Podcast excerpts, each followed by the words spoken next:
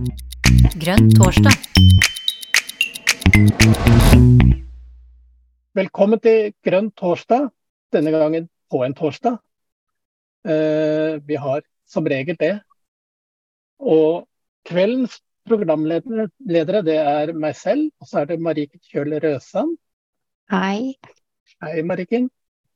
Eh, vi har jo et uh, litt ekstra show i kveld. Så i tillegg til uh, deg og meg, så har vi også en eh, gjesteprogramleder. Den eh, berømte vennen av Grønn torsdag, nestleder i MDG, Ingrid Liland. Hei, Ingrid. Hei, hei, Anders. Eh, årsaken til at Ingrid er med, da, er at hun leder det arbeidet vi har med å, eller den arbeidsgruppen som jobber med å få fram et forslag til revidert prinsipprogram for MDG. Og et, en av grunnpilarene i eh, grønn ideologi eller grønne prinsipper, det er demokrati eller folkestyre, om man vil. Eh, og det hadde vi hatt lyst til å prate om i kveld. Og da har vi fått en uh, egen liten, eller stor gjest til å jobbe oss gjennom kvelden sammen med Ingrid. Og med det så gir jeg ordet til Ingrid, og så kan du få lov til å introdusere kveldens gjest, Ingrid. Og så kan jeg slappe av litt.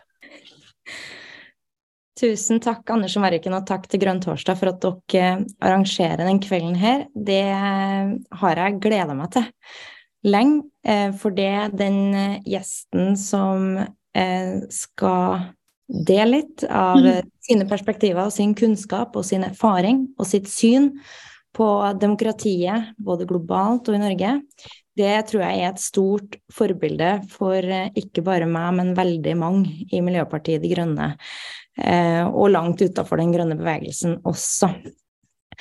For eh, den vi har med oss i kveld, er korrupsjonsjeger, jurist, grønn politiker, har vært presidentkandidat i Frankrike, medlem av Europaparlamentet i ti år. Hun har skrevet flere bøker, og jeg vet at hun driver og skriver en bok nå også. Har avdekka økonomisk kriminalitet og driver fortsatt å avdekke, avdekke skjulte maktstrukturer. Og hun er kjent for å være ei som aldri gir seg. Og det er selvfølgelig for dere som har fulgt med Eva Jolie, eh, som jeg er veldig glad for å introdusere og ønske velkommen. Hei, Eva. Hei, Ingrid, og tusen takk for disse snille ordene. Jeg er veldig glad for invitasjonen, og syns jeg er heldig som får anledning til å snakke med så mange unge, flotte, engasjerte mennesker med sterke meninger. Um, jeg, først, altså, jeg skal dele noen tanker med dere i kveld. Jeg tror jeg har ca. tre kvarter på meg, har jeg ikke det? Og kan, kanskje vi kan starte med uh, hva som forekommer meg å være et mysterium.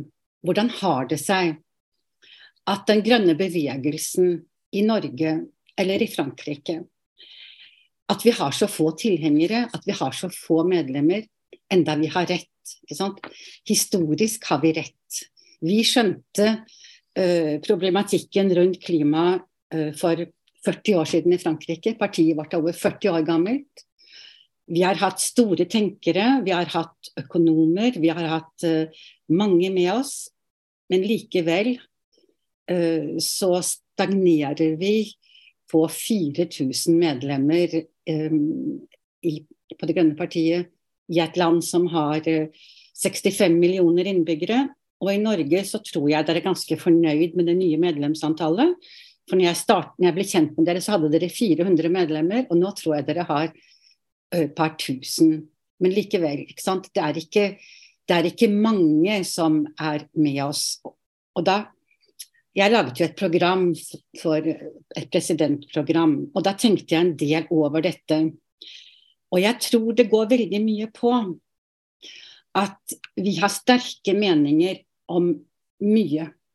Om rettferdighet, om uh, hva som skal til for at vi minsker CO2-utslippene, hva slags energi vi vil ha. Alt dette er veldig godt fundert.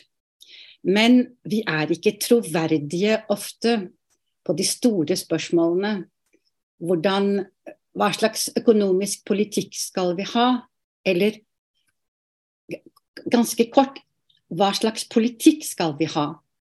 Og jeg tror at så lenge at vi er opptatt av at vi skal ha sykkelveier og bompenger f.eks., som er viktige tiltak i byene, men at vi ikke ser på de store overliggende problemene, så er vi ikke kredible. Og jeg tror jeg skal ofre litt tid i begynnelsen på denne lille seansen på kanskje å snakke om akkurat det. Fordi jeg tror at dere, dere må ta inn over dere de kjempestore forandringene som skjer i verden, og hva det betyr for dere som politikere. Ikke bare som grønne engasjerte, men å kunne transformere dette engasjementet og de sterke meningene i en meningsfull politikk. Og uh, aldri har verden vært under en så radikal forandring og en så hurtig forandring som det vi ser i dag. Fordi den økologiske klokken tikker fortere og fortere og tvinger oss til å, å, å forandre modellen vår.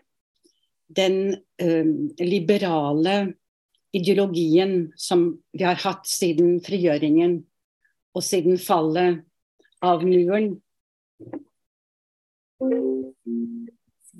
Unnskyld. Sånn. Siden, siden fallet av muren, og som har medført eh, stor velstand for mange. Det er uomtvistelig, men også en veldig stor urettferdighet. Og fremfor alt en utmatting av ressursene. Den står for fall. Denne modellen den, den har gått ut på dato. Og invasjonen av Ukraina av Russland er selve symbolet på det. På de store geopolitiske omveltningene. Og vi er nødt til å ta det inn over oss. Uh, hva, vi, hva, vi, så før det, var f.eks. at Storbritannia forlot uh, unionen. Storbritannia forlot unionen, etter min mening, fordi de hadde veldig dårlige ledere, enten det var Cameron eller eh, Boris Johnson. Det var et nasjonalistisk drama. Det var ideen om at Storbritannia ikke trengte Europa, for de hadde aldri blitt erobret, og de hadde et, et empirium, trodde de. Og det var denne tanken, den, den dominerte den kampanjen, og den endte jo, som alle vet, med at de forlot unionen. Eh, vi har jo sett hva det har gjort med dem. Eh, pundet har aldri vært så lavt, de har mye høyere inflasjon enn resten av verden. De kommer til å miste all betydning i verden innen noen få år, fordi ingen sto og ventet på dem. Selv om Storbritannia selvfølgelig er et viktig land, så var de mye viktigere i når de var medlem av EU enn utenfor. Og alle oppdaget hvor dårlig deres valgsystem var, og hvor dårlig deres ledere var. Boris Johnson er en klovn i verdensøynene. Og de endte opp med en annen klovn etter ham. Vel, jeg tror ikke de teller lenger så mye. De meldte seg ut av samfunnet. Norge, vi er 5,4 millioner innbyggere. EU, det er 450 millioner.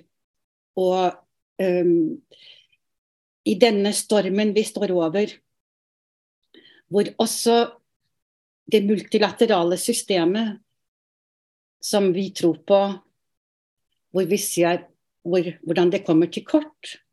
Hvordan Sikkerhetsrådet ikke har fungert siden krigen i Syria fordi Russland har vetorett, og fordi vi ikke klarer å reformere det. Hvordan um, USAs uh, antiinflasjonslov fra august i år setter OMS-reglene uh, i, i vansker, og hvordan dette vil være konkurransevridende, og vi vet ikke riktig hvilket instrument vi har for å stå imot det. I denne i denne stormen. Og også fordi vi ser at invasjonen av, av Ukraina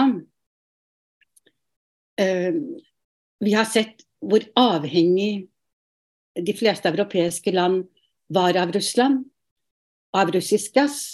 Og vi har sett hvordan russisk innflytelse har preget Europa. Men vi har også sett hvordan EU klarte å reagere. Hvordan eh, de til og med har innført et tak på import av russisk gass. Altså, institusjonene, institusjonene fungerer.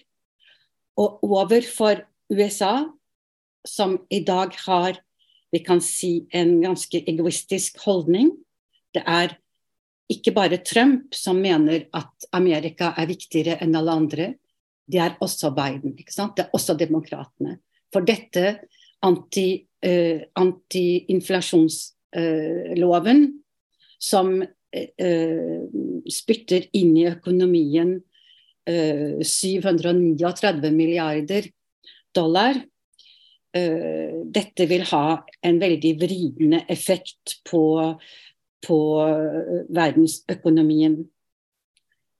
EU begynner å innse at de mangler å være en militær stormakt, at de er en handelsstormakt. Men det er nå en vilje til å bygge opp et europeisk forsvar. Det starter med å koordinere Eh, de militære eh, styrkene, militære innkjøp. Eh, Tyskland og Frankrike har akkurat blitt enige om et nytt kampfly, f.eks. Her, her ser det kjempestore ting, kjempeviktige ting. Og jeg tror det viktigste spørsmålet dere må stille dere, det er skal vi forbli utenfor dette fellesskapet i disse sterke kreftene som kommer til å riste verden i, i årene fremover, ikke engang i årtiene, i årene fremover. For det, det vi er klar over nå, er at, um, at det internasjonale panelet for, for uh, det internasjonale panelet for uh, observasjon av klima har undervurdert in, on the International Government Panel on Climate Change har undervurdert alle vanskelighetene. Og vi vet f.eks. i dag at om vi ikke gjør noe drastisk, så vil halvparten av verdens befolkning ikke ha noe sted å være i slutten av århundret. Det betyr 3,5 milliard personer på vandring og Norge vil ikke stå utenfor det. Selv om Norges befolkning, jeg så en meningsmåling, de tror at uh, klimaforandringene ikke angår dem virkelig. Og Det er et stort problem dere har. ikke sant? Det at ingen står utenfor, uh, uh, utenfor klimaendringene. Så her er det et kjempeproblem. Det er kjempekrefter på gang. Og jeg tror jo at det at Norge har levd i en avkrok av verden. I den troen på at USA ville beskytte dem, og at eh, Nato, det var nok. Jeg tror at det er denne posisjonen som kanskje er den aller viktigste dere må vurdere i den demokratiske debatten. Fordi demokrati, det finnes i Europa. Det er ikke det at det ikke er vanskeligheter, jeg vet dere vil si det er korrupsjon, det er, det er mye som skjer. Men EU eh, e er blitt til ved å gå. Det er blitt til under vanskelighetene. Og selv om, uh, selv om det er av og til tilbakesteg, selv om det er vanskeligheter, så er det en dynamikk i EU som gjør at vi finner løsninger. Og her er det veldig mange eksempler. Et av de beste tror jeg er den greske krisen når Hellas holdt på å måtte gå ut av uh, euroen, og, det var virkelig krise, da fant EU opp solidaritetsfondet, f.eks. Og sånn har det vært gang etter gang. Når koronaen kom, så uh, forhandlet EU fram medisin til alle, også Norge. Slik at jeg tror at all debatt må finne sted på en måte under dette store, store spørsmålet. Uh, den posisjonen som Norge har hatt, de gode avtalene man fikk, det fikk man fordi man var et lite, sympatisk land. Um, jeg tror at det er på tide å skjønne igjen at oljen ikke vil vare evig, og at vi vil trenge å være et medlem, et fullverdig medlem av EU for å delta i prosessene, i de verdensprosessene som vil pågå, og hvor altså ikke England, som har ti ganger Norges innbyggerantall, veier nok. Det må dere tenke over. Sant? Det må dere tenke over. Slik at jeg tror jo at uh, disse store kampene vi må ta opp, og dem er det mange av, uh, her, her må vi stå i fellesskap. Og EØS er en slags so-kategori. Det er jo mye bedre enn ingenting. Men foran de utfordringene vi står overfor, så tror ikke jeg at det er nok. Og den debatten tror jeg dere må ta. Det det er første stadium i politikken. Blant de store,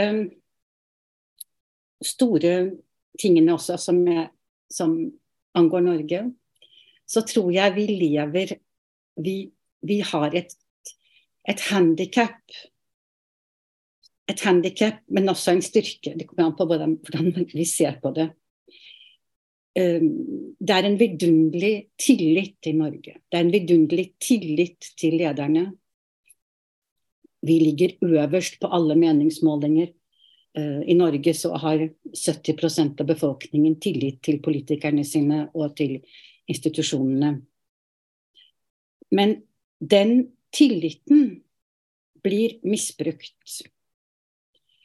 Og kanskje skal det også være De grønnes oppgave å være mer kritisk. Mer kritisk.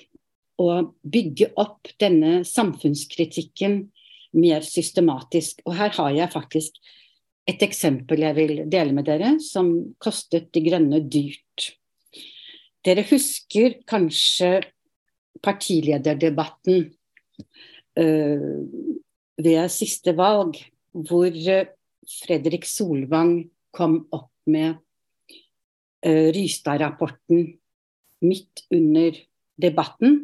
Det var en upublisert rapport.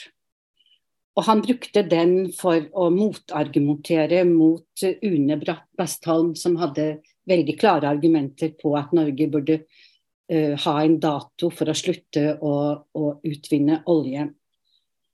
Og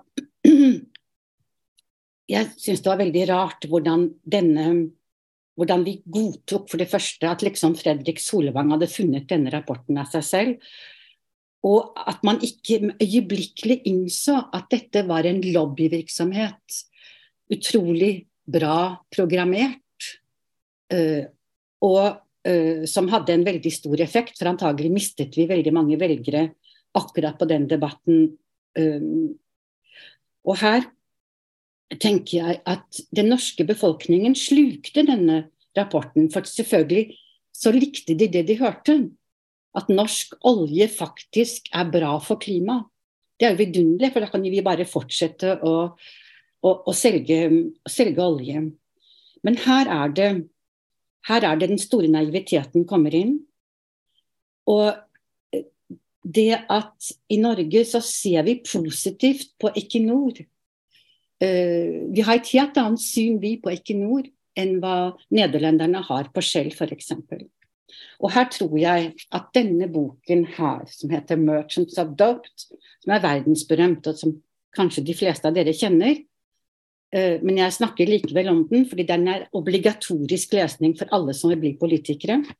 Den er skrevet av en amerikansk professor som heter Naomi Oreskes, og Erik Conway jeg tror de er fra Colombia, eh, de har vitenskapelig bevist hvordan Exxon uh, og andre oljekompanier bevisst har produsert falsk kunnskap. Altså, de har produsert ignoranse. De har produsert uvitenhet for å dekke over det faktum at uh, olje skaper oppvarming. Og de har klart det. De har klart det. Uh, de bruker to eksempler. Det er oljeindustrien og det er tobakkindustrien. Det er det samme. Og det å ikke se at Rystad, som er en utmerket mann, jeg mener de er veldig beundret internasjonalt, men at han her var en lobby, hadde lobbyvirksomhet og hadde en betalt oppdrag, det skulle man ha drept mye, mye bedre enn det vi var i start klar, det vi klarte å gjøre. Og det betyr at partiledere og andre som tar ordet, de må ha sverddragere. Altså, når man tar en posisjon, så skal det følges opp øyeblikkelig av mange andre som kommer med innspill. Um, det er én ting som ikke vi er flinke til heller, heller, i Frankrike. Og her trenger vi, her trenger vi um, veldig Altså her trenger vi kommunikasjonsrådgivere, og vi trenger kommunikasjon. Uh, fordi det vi går løs på, er de sterkeste lobbyistene i verden. Og i Norge så er vi naive. Vi er naive. Um, denne lobbyvirksomheten som f.eks. Exxon Mobil driver, de forsøkte seg i EU-parlamentet å forklare hvordan de i grunnen var ganske grønne. Vel, de klarte det ikke, men det er ingen skam, på en måte. Altså, slik at å være klar over at den norske godtroheten, på en måte, den, den kan bli misbrukt, og særlig da av lobbyister. Og kanskje bygge større kapasitet på, på dette feltet.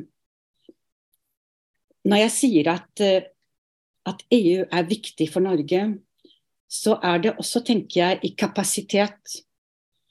Har Norge, har vi nok kapasitet, vi 5,4 millioner innbyggere, når vi ser f.eks. at våre olje- og gasslinjer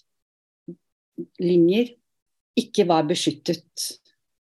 Ikke var beskyttet før vi oppdaget at uh, Nord Stream 2 eh, ble uh, eksplodert utenfor Bornholm.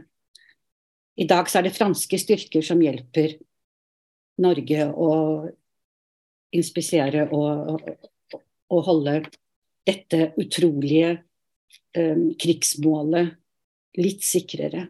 Men det er jo her, her ser vi ikke sant, ikke bare at vi var totalt uforberedt. altså Hva betyr det at vi ikke hadde sikret våre gasslinjer? Hva? Her har vi et problem med politisk forståelse, med kapasitet. Jeg tror vi trenger EU. Tror jeg virkelig. Ja, så her er det, her er det, veldig, her er det veldig mye um, å se på. Um, Men Eva, hvis ja. det, det, er veldig interessant, og veldig interessant det du, det du mener om eh, hva f.eks. Miljøpartiet De Grønne eh, Både at vi må være bevisst på den type makt som de ja. som bak Rysta-rapporten har, og, og, hvordan vi mer aktivt kan uh, følge opp det. Kan... ellers så vil det bli slått ut ikke sant, hver gang. Fordi mm de har uendelig med midler. Det er det ikke sant, dere har noen, noen 10 000 eh, euro, kanskje. De, har, de, har, de, øser av millioner. ikke sant? De har så mye de vil. Mm. Men kan du si litt mer om um, for altså, i, i, min levetid Jeg har jo levd i en tid der i hvert fall jeg har blitt uh, oppdratt til å tro at demokratiet bare blir sterkere og sterkere, og uh, verden, verden, går bare framover. Ja. Um, og i hvert fall fram til uh, Trump ble valgt, så gikk nå mange på min alder rundt og trodde det. Men kan du si litt mer om på hvilken måte har demokratiene i, i, i Vesten egentlig utvikla seg, hvis vi ser bak vi ser litt på det. det ytre. Ja, altså eh, Demokratiet har mange fiender, ikke sant. Det, eh, altså all form for lobbyisme, altså det, det, betyr jo at det ikke er felles interesser som uh, i, sitter i hovedsetet, men spesifikke interesser. Og de har vunnet De har vunnet i USA. Uh, ved, der er det jo da finansiering av valgkampanjene vi snakker om. Når en valgkampanje koster 3 milliarder dollar, uh, så ser vi jo at uh, det er ikke for alle å, å, kunne, å kunne stille. Og disse kampanjene blir finansiert av oljeindustrien, tobakkindustrien, finansindustrien, bilindustrien. Det er offentlig finansiering, som i Norge. Man kan se hvem som finansierer. Men det gjør jo likevel ikke noe med det faktum at den amerikanske presidenten, når han blir valgt, har stor gjeld til finansindustrien osv. Og, og det betyr jo da at ingen lov som vil begrense private equities innflytelse, vil bli vedtatt i USA. Uh, det betyr uh, at uh, de multinasjonale selskapenes interesser vil bli ivaretatt fremfor borgernes interesser. Så her må vi se på valgsystemer, her må vi se på valgfinansiering. Og det er også et problem for Norge. Sant? Det er også noe dere kan se på. Men kanskje litt tilbake til de store problemene foran oss. Et av de store problemene jeg har lyst til å snakke om i et par minutter, er hva vi kaller for stranded assets. Jeg vet ikke om det er et kjent begrep for dere, er det det? Nei. Men dette er kjempeviktig. ikke sant? Stranded assets. Det er ideen om at om vi brenner all den kullen og all den oljen som i dag står i årsregnskapene til alle de børsnoterte selskapene, så vil vi øke med over seks grader temperaturen. Det bare kan vi ikke. Dette er et regnskap som er ganske vitenskapelig. Vi vet akkurat hvor mye CO2 som slipper ut for hvert eh, tonn uh, olje vi brenner. Dette regnskapet kan dere se på i Carbon Tracker. Det er en engelsk ONG som lager veldig fine skjemaer. Og når jeg skjønte det, så skjønte jeg noe viktig. Det er at oljeselskapene de akter faktisk å selge all den oljen de har. Og de bryr seg ikke noe om at det vil gjøre verden ulevelig, helt sikkert. Og kanskje bare ikke i India og i uh, deler av uh, Sør-Amerika og deler av Afrika, men hele verden. Uh, det, og det jeg så på det akkurat nå. De 60 største bankene har de fire årene fra 2016 til 2020 finansiert for 3,3 trillioner i, engelsk, i, amerikansk betydning dollar. Altså 3300 milliarder dollar øh, oljeselskapene. Dette vil de ikke kunne nedbetale om ikke vi vil dø, om vi vil opprettholde verden. Her, altså, de har ikke skrevet ned verdiene av sine reserver. Og når de ikke gjør det, så er det fordi de vil selge dem. Det er det som er virkeligheten. ikke sant? Vi prater, vi, prater, vi lager, vi lager, vi lager uh, avtaler. Uh, jeg hørte at på siste COP så ble det inngått veldig mange nye uh, energi og fossil energiavtaler. Dette er et problem man må håndtere på en eller annen måte, fordi det er din neste subprime. Og det franske oljeselskapet Total, som tjente 17 milliarder de første seks månedene, og som delte ut 8 milliarder i, i dividende, de påstår jo at de finansierer transisjonen med pengene de tjener. Men det er ikke sant. Ikke sant? De, de, deler ut til aksjonærene hoved, hovedinntekten sin. De har dessuten et grusomt prosjekt som er veldig farlig for verden, som er at de vil lage en ny pipe, en ny oljelinje fra Uganda i Vest-Afrika til Tanzania i Øst-Afrika, som skal gå langs uh, Viktoriasjøen, som jo er vannreservat for 30 millioner mennesker. Altså et absurd prosjekt. Men det var eh, Macron med på å oppnå. Han reiste sammen med sjefen for Total eh, til Uganda for å oppnå tillatelsene.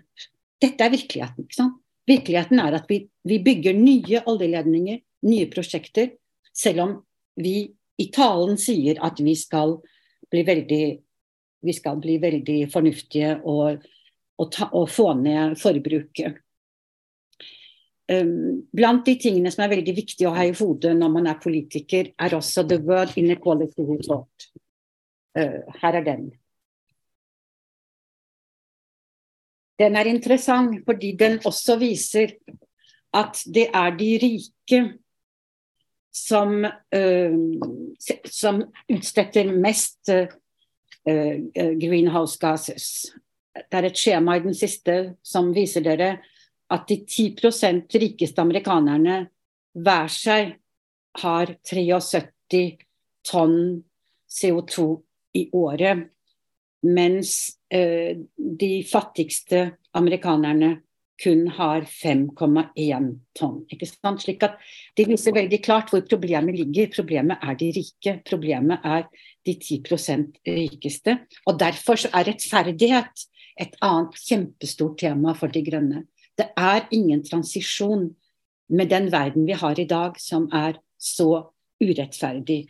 Og tallene der, jeg skal ikke kjede dere med dem, men de tallene finner dere i World Inequality Rapport, rapport som er laget av mine venner Thomas Piketty og Gabriel Zuckman. Um, ja, slik at ja, i, i, deres politiske utforming så må dere ha en posisjon på dette.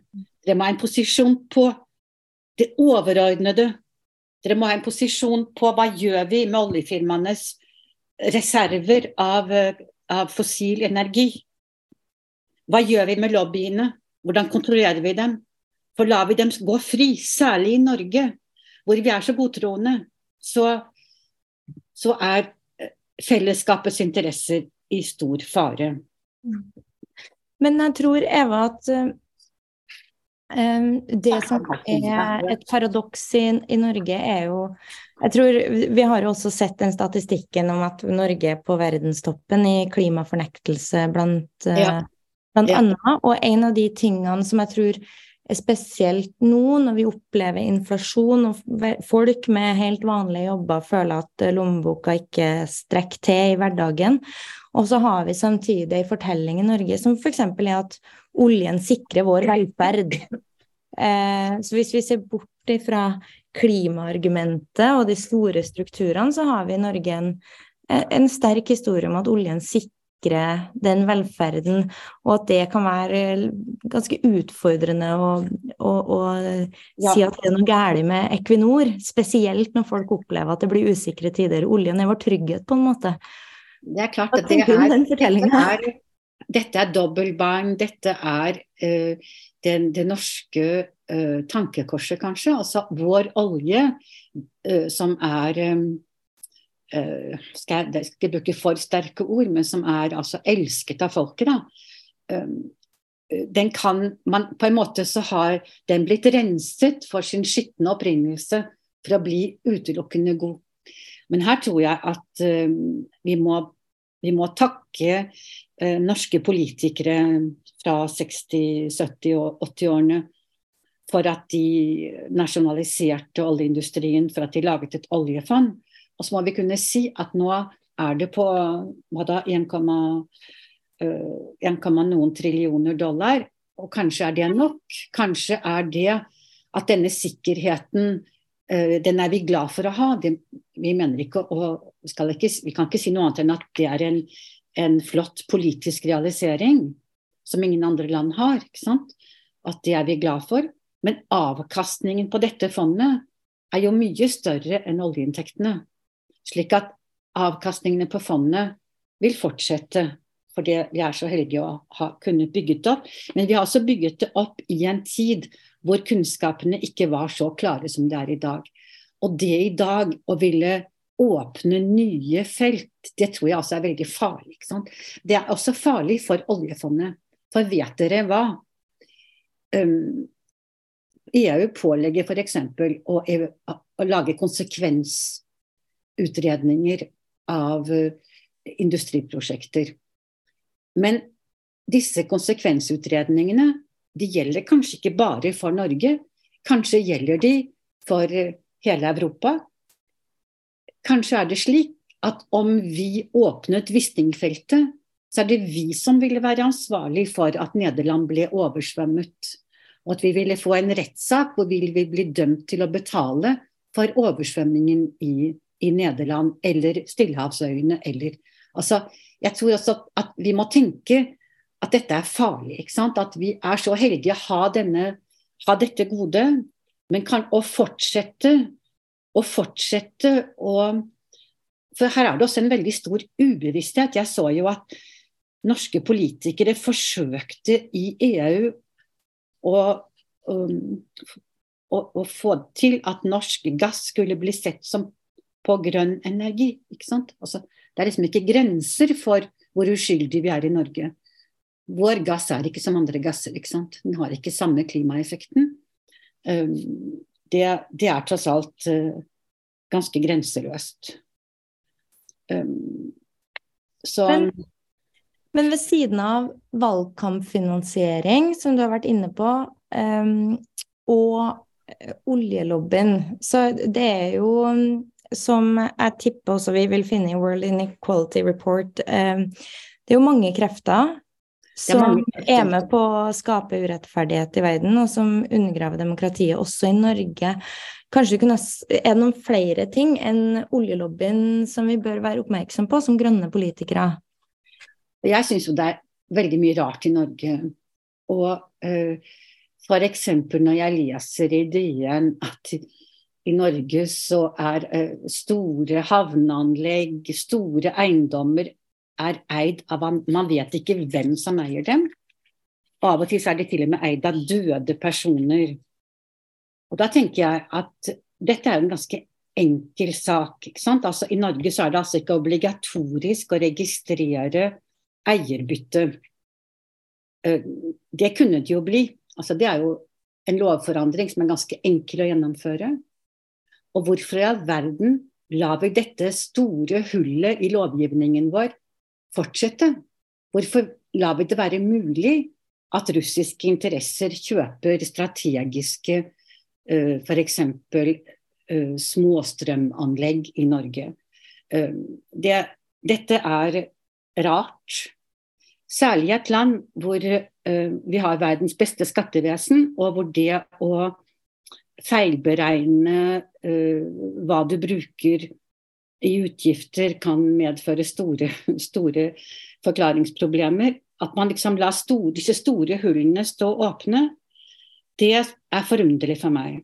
Og det syns jeg dere burde ta fatt i. Altså, Eh, vi vil ikke lenger ha det sånn. Og dessuten er det brudd på EUs antihvitvaskingsdirektiv 4, 5 og 6, som eh, er EØS-relevant, e altså norsk lovgivning. Eh, der er det slik at dere, medlemslandene er nødt til å ha registre for den egentlige eier. Men altså det ser ut som ikke vi respekterer. For sikkert er det en veldig gammel lovgivning jeg tror ikke man har laget den med henblikk på at det skal kunne bli milliardærer ukjente. Jeg tror kanskje det er en gammel eh, en veldig gammel lov som kanskje hadde en mening eh, for lenge siden. Men det er veldig rart at den ikke er blitt, eh, ikke er blitt forandret, ikke det hullet er blitt tettet. Det er, det er, det er, ting. Det andre som virkelig forundrer meg, er hvordan Norge har gått fra å være et totalt regulert land detaljregulert. Altså, man kunne ikke bygge mer enn 120 kvadratmeter frem til vet ikke når, 1960 og noe. Altså Husbanklånene hadde Det var millimetrert. Eh, og så ble det fritt boligmarked. Og i dag er det slik at uh, boligmarkedet uh, utelukker vanlige mennesker. Altså, det er bygget 60 000 leiligheter i Oslo de siste ti årene. Det er den største øking i en by i Europa. Og det er helt det frie marked. Altså her bor, det ikke en, det ikke en sykepleier, ikke en lærer, ikke en professor, og snart heller ikke en lege. De må bo på Kolbotn eller Ski eller De blir puffet ut av byene. Og det virker som nordmenn er veldig fornøyd med. Det er også en, en veldig rar ting. Antagelig så dette er også mangel på kritisk sans. Altså det, det, virker som folk syns det er veldig vidunderlig at prisen bare stiger hele tiden på, på leiligheten eller huset deres, og at de ikke ser hva som skjer. Og jeg synes, det som skjer, er jo at uh, her er det private fond som skal ha betaling. Fortjenesten på disse, disse nybyggingene er ganske høy. Jeg har faktisk sett på det. F.eks. For, for Robos er den på 16% Så det er ganske god business. Det er til og med veldig god business. Og øh, det er klart at her er det, her er det, press. Det vil være interessant å se om øh, hvem som finansierer norske valg, om ikke det er også mye denne sektoren. Det vil ikke forundre meg. Det har jeg ikke sett på. Men altså jeg har jeg tror ikke noe annet europeisk land i dag har så lite boligregulering som Norge. Mm. Her er det fritt fram. Og fra å være et samfunnsgode under Arbeiderpartiregjeringen etter krigen, uh, som, som det, var en, det var et av hovedpunktene i Arbeiderpartiregjeringenes uh, politikk at alle skulle ha sitt hus. Nå er det spekulant objekt. Og jeg tror at uh, her har regjeringen gitt etter for lobbyistene helt nylig. Jeg snakket med Ingrid om det i går. For jeg så at uh, ved kjøp av sekundærbolig, altså da er det jo ikke for å bo i den selv i Oslo, så hadde noen funnet på for en stund siden at man da måtte ha en høyere egenandel. Du fikk ikke lån på, på 100% Men den bestemmelsen der fjerner man i dag. Og det gjør man jo ikke i allmenninteressen, det gjør man kun i en spekulativ interesse. Og at det er Arbeiderpartiregjeringen som gjør, for meg er bevis på at de er øh, sensible på lobbyvirksomhet. Det, vi skal straks øh, gi ordet tilbake til Anders og spørsmål, men, men nå øh, leder du meg fint inn på det som jeg hadde lyst til å spørre om. For nå gir du jo noen utfordringer til oss som øh, er grønne politikere i Norge. Men eh, vi har jo åtte andre stortingsparti, og mange av dem er jo for mye fint. Det skal jeg jo være så raus å si. Hvorfor, eh, hvorfor ser ikke dem den her, og driver ikke dem den systemkritikken som du veldig klart beskriver og gir som utfordring til MDG i Norge? Jeg gir den til MDG fordi eh, fordi eh, jeg er grønn, og fordi jeg tror på at det er vi som bærer fremtiden. Fordi jeg vet at de liberale, den tiden er over. Og fordi jeg vet at om det ikke er vi, altså om det ikke er vår, vårt syn på verden med større rettferdighet, og hvor man tar inn over seg de store problemene og forsøker å gjøre noe med dem, så er det fascismen som kommer, nasjonalismen som kommer, antagelig fascismen først, og nasjonalismen. De går, de går, hånd i hånd. Dette er de store, store fiendene. ikke sant? Hvorfor, de, hvorfor de, norske, de, andre norske partiene Jeg vet ikke. Det, eh, svaret på det er sikkert at det er veldig, veldig mye å gjøre, og at de ikke har hatt fokus på det. Det er også sikkert et problem med at norske politikere er underutdannet ikke i, i verdensmålestokk. Ja, da eh, det skal ikke jeg videreformidle, men eh, vi, vi, hørte det, vi som var her, og de som hører det.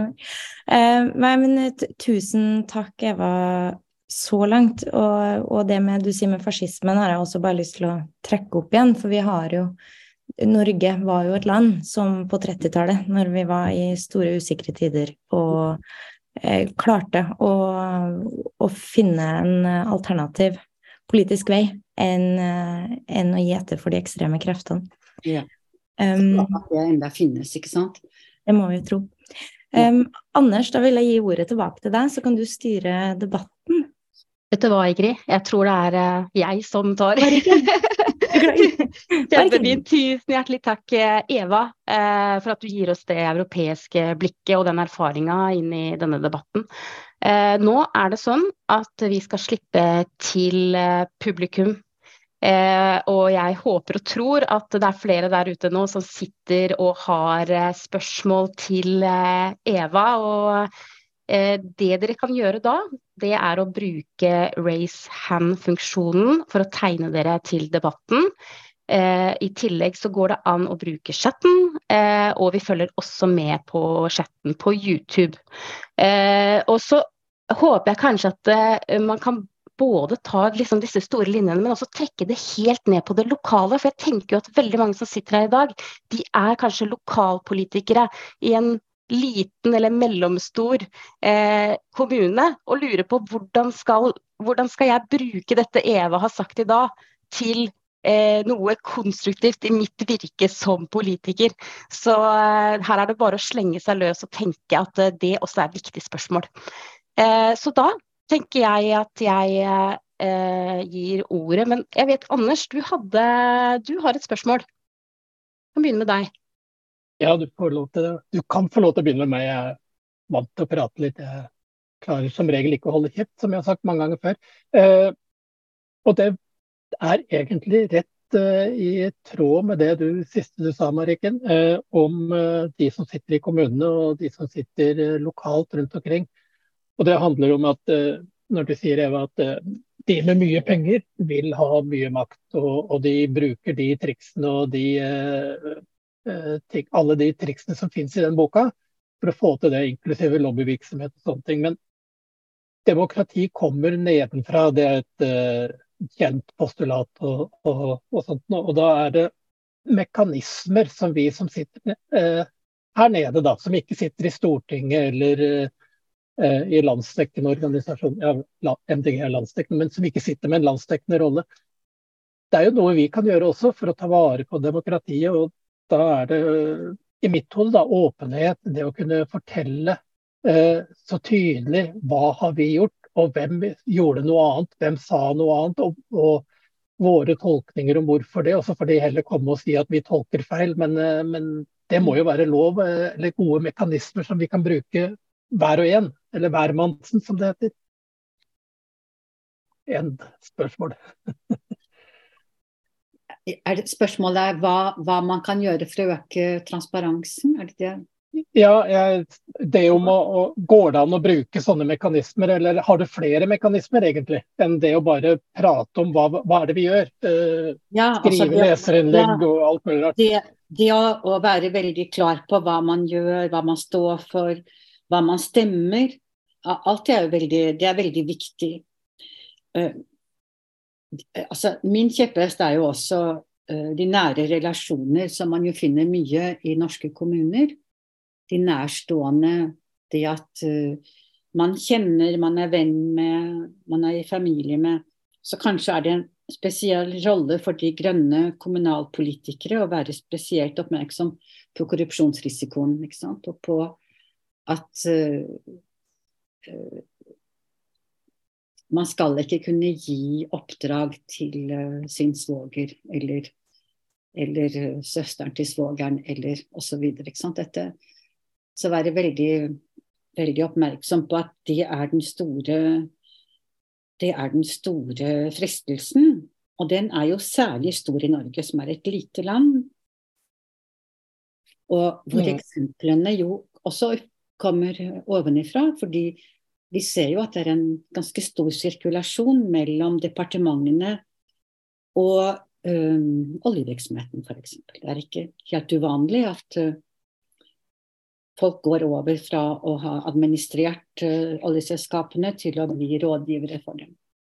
Og her er det også kanskje uh, grenser som ikke er klare nok, som ikke er strenge nok, som ikke er lange nok. Mm. Tusen takk. Da er jeg ferdig, Tusen takk, Anders. Eh, da ser jeg faktisk at nå kommer eh, hendene. Og eh, den aller første som rakk opp handa, det var Pål. Vær så god, Pål.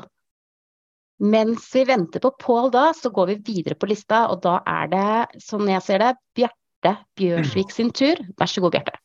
God kveld fra Bergen, og takk Eva for veldig interessante betraktninger demokrati internasjonalt er det det jeg vil si noe kort om, og så et spørsmål. Eh, organisasjonen eller nettverket Varieties of Democracy, VDEM, lager, har det største datasettet i verden med 30 millioner punkt siden den franske revolusjonen omkring demokrati. Og de viser jo, som det er allerede sagt, nedgang internasjonalt de siste ti årene ca. Bl.a. ledende stormakter rundt i ulike regioner. Samtidig beskriver de veldig tydelig at demokrati, liberale spesielt, jo mer demokrati, jo større effekt på eh, likefordeling, utdanning, helse, også miljø. Um, og så kommer poenget. Altså, mye av demokratiforskningen rundt i verden er relativt spredt. Og det de foreslår, er å samle det, litt på samme måte som FNs klimapanel, gjennom et panel for demokrati. Jeg var i kontakt med Staffan Linjeberg, som leder ved dem, eh, Universitetet i Göteborg, for noen uker siden. Og han har sendt det til norske UD, eh, som er positiv, men ikke fått svar. Og jeg tenker, jeg vil høre med deg, hva tenker du om det at demokrati, eh, forskningen blir samlet, og så i neste omgang spredd på denne måten, altså de positive resultatene? Takk. Det, vi har jo veldig mye kunnskap, egentlig. ikke sant? Det er, det er, ikke kunnskapen som mangler. Men selvfølgelig vil det være en god ting om, om dette var et tema for, for etterforskning, og at man grupperte det. Men jeg tviler på at det er mangel på kunnskap, egentlig. Og, og jeg tror vi kommer tilbake til um, til de forskjellige tendensene, ikke sant. Uh, som, som, vi ser som er på Altså det er ikke mangel på kunnskap for Orban at han uh, at han manipulerer domstolene, hindrer fri presse. Det er ikke mangel på kunnskap. Det er mangel det er, det er, en vilje til, til makt uten grenser, som dessverre deles av en del av befolkningen. Men øh, kunnskapen er jo seg selv god. Og jeg anbefaler også her en, en veldig, veldig fin bok, som også finnes på engelsk av Julia Caché. Hun er blant de unge franske økonomistene uh, sammen med Piketty og Zuckman. Hun har skrevet en bok som heter 'Demokratiets pris'. Hun studerer forholdet mellom finansiering av valgordningene og resultatene. Og det hun kommer fram til, er at det er total korrelasjon mellom pengene du setter i en valgkamp og resultatet. Det trenger man ikke mye mer forskning på, det vet vi. Derfor er det viktig å begrense valgfinansieringen. Sånn? Det er fordi den er ubegrenset i USA at eh, det, er blitt så, uh, så galt. Uh, i, i, Tyskland er det også fritt frem for, for firmaer til å finansiere valgkampanje. I Norge er det det også. Men i Frankrike er det det ikke, i veldig mange land er det det ikke. Så kunnskapen er selvfølgelig veldig velkommen og viktig for å kunne argumentere. Eh, men dessverre så er vi i denne veldig konservative trenden hvor, um, hvor mange ikke lenger vil høre. Hva som var veldig slående i den engelske debatten før, om, om brexit, var når ekspertene fortalte at det ville medføre eh, økonomisk nedgang og at, liv, at eh, pundet ville falle, så var svaret til eh, Nigel Farage, som ledet den kampanjen, vi er lei eksperter. Vi er lei eksperter. Om vi mm. bare blir uavhengige, så kommer fisken tilbake i havet. Tusen takk da hadde sikkert Pål en liten teknisk eh, plunder, så han har hoppa over og bruker Ingrid sin konto, og det er jo lov, det. Så da er det først Pål, og så eventuelt Bente sammen med Pål, men Maria er eh, rett bak i køen. Kjør på, Pål. Tusen takk. Eh, jeg bare vil fortsette Marikens oppfordring om å snakke om det lokale og trekke det helt ned til deg, Eva. Fordi, som Ingrid sa, så er du et stort forbilde for oss. Og det jeg lurer på, som om du kan snakke litt om, det er hvor finner du den kraften i å stå i alle disse kampene? Det, um, jo, vet du hva. Det, det, tror jeg ligger i troen på at vi kan forandre verden.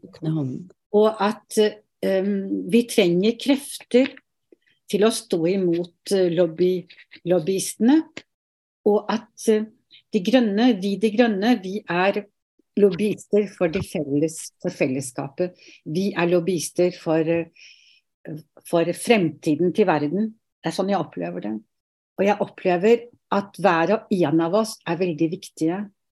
Og at hver og en av oss, vi må ha kunnskapen som er nødvendig for å kunne argumentere og stå imot. Og, eh, og da, da, blir for meg problemet bare å ha tid nok til å lese alt det jeg burde lese for å bli bedre. Det er tidsmangel, ikke sant. Ellers så ville jeg vært mye flinkere. Og, og så er det det at hva, hva, jeg har oppdaget i livet mitt, og det er en gammel oppdagelse, det er at de aller fleste mennesker surfer. De, de, de har ikke egentlig skjønt det. De har ikke egentlig forstått det. Fordi å forstå ting dypt, det krever at du setter deg ned, lukker igjen dørene, slår av telefonen og bruker tre timer på å skjønne uh, et eller annet uh, begrenset tema. Og når jeg var rådgiver, så jeg brukte veldig mange år av livet mitt til å rådgi presidenter og ministre. Uh, da så jeg hvordan de levet. ikke sant? De, de, tar aldri de tre timene. De tar de aldri. Det er derfor det er derfor det er så mye feil politikk, særlig økonomisk politikk, tror jeg. Fordi de er helt avhengig av rådgiverne. Og rådgiverne, hvor snakker de fra, ikke sant. Så jeg opplever mm. at vi de grønne, vi er, vi er vi er de som står imot oljeindustrien, tobakkindustrien og den kjemiske industrien, plastikkindustrien.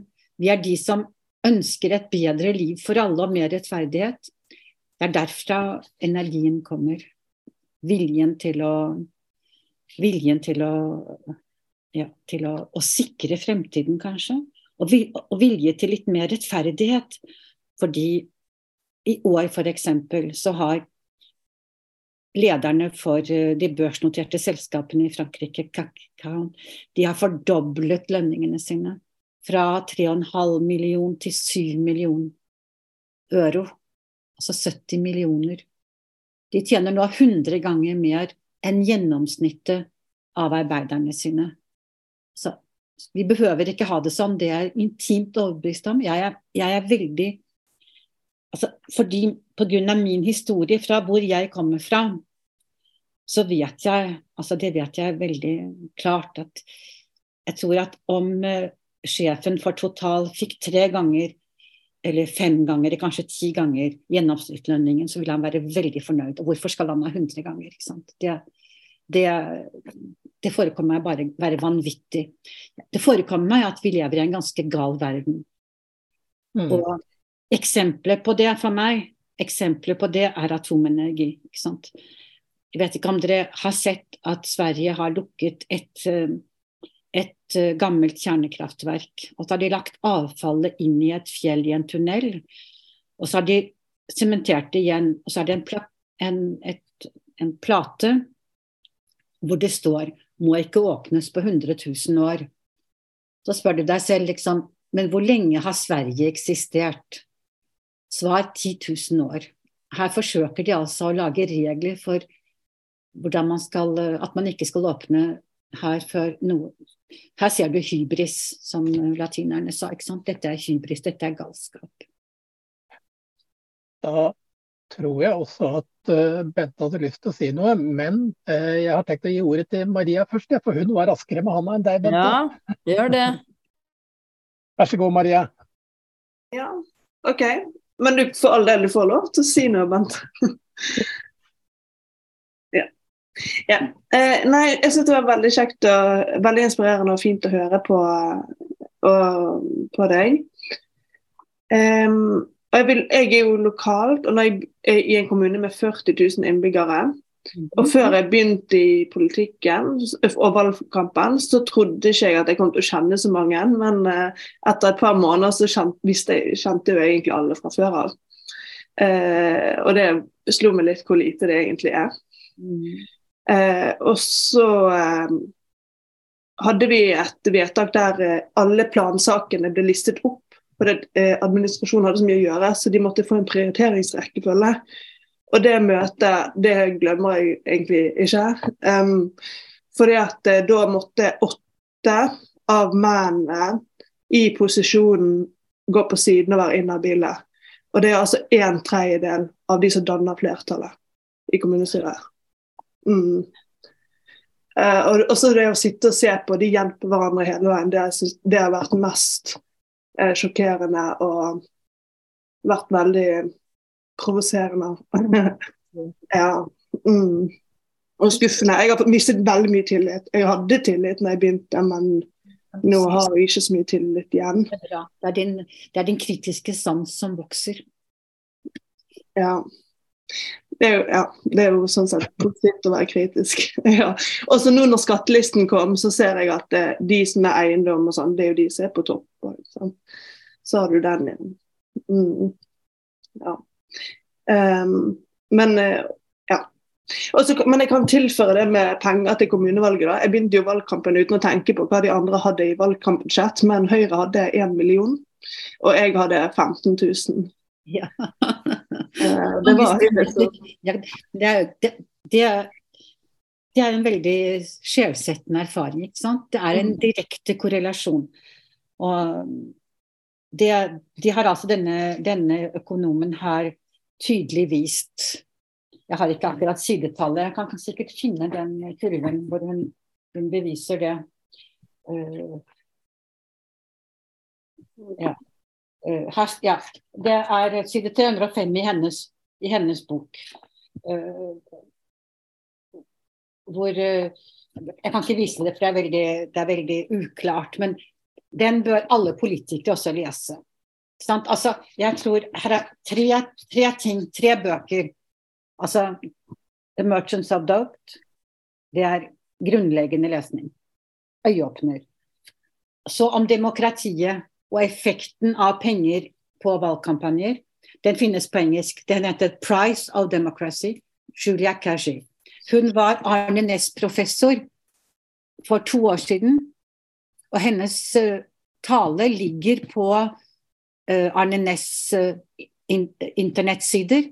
Og der vil dere finne interessante opplysninger om valgsystemet i Norge. Og her, her, dette er historien om urettferdighet i verden, og om hvordan det liberale systemet har skapt denne urettferdigheten. Dette er den engelske utgaven, 'The Triumph of Injustice'. Den er skrevet av Gabriel Zuckman og Emanuel Cés. Det er, sånn, det er uh, bøker å ha på nattbordet. Tusen takk. Da tror jeg, og takk til Maria som deler litt av hvordan det er å stå der ute i, i det lokalpolitiske landskapet.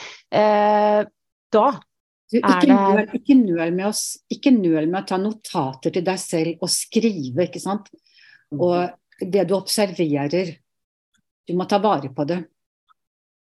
Du kan sikkert bruke det en annen anledning. Da er det Bente. Ja, tusen takk. Det er jo en fryd å høre på deg, Eva Jolie. Jeg sier som Pål, jeg er alltid slått av din energi og din kraft og din modighet. Og To ting renner meg i hu. Det er eh, saken om Panama Papers og Island. Og det mm. er også Elf, totalkorrupsjonsskandalen i Frankrike, hvor jeg tror jeg leste en gang at du måtte til og med ha livvakter på soverommet ditt. Men det var ikke det jeg skulle spørre om nå. Eh, du sier at nordmenn mangler, mangler kritisk sans. Um, og en sak som satte eh, seg i meg, det var denne Bergen Engines-saken, hvor vi hadde altså en forsvarsminister, Frank Bakke-Jensen, som ikke syntes det var noe problem at russerne ville kjøpe Bergen Engines. Vil du si at dette er eksempel på å mangle kritisk sans, eller har vi hatt det for godt, eller er eh, vedkommende uutdannet? Det var litt av en tirade. Takk. Ja.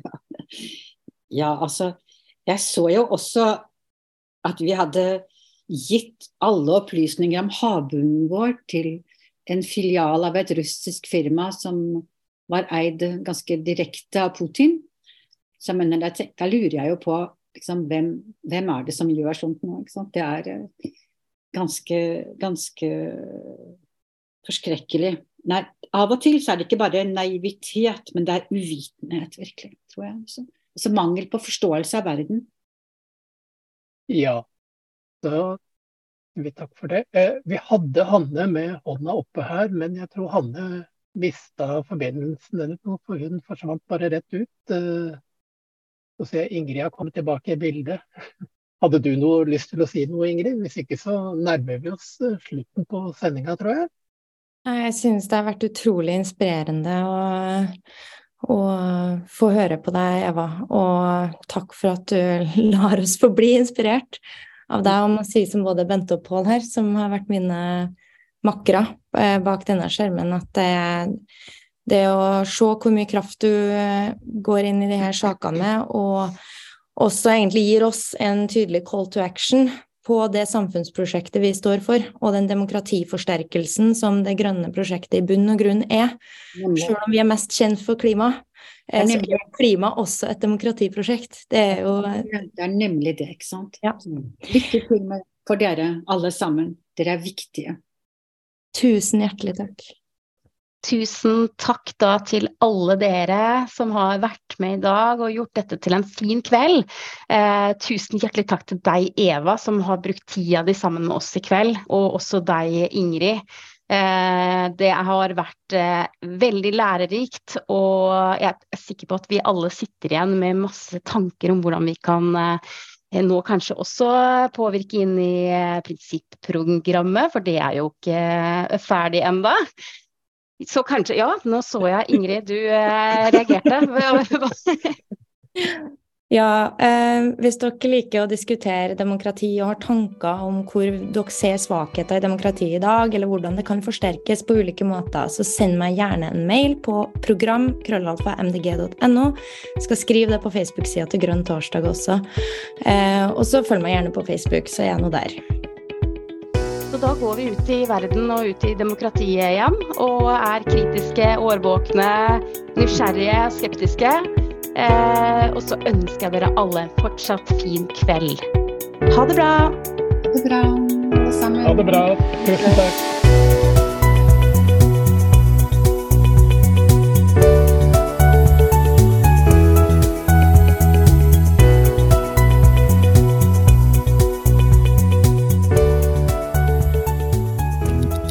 Grønn torsdag.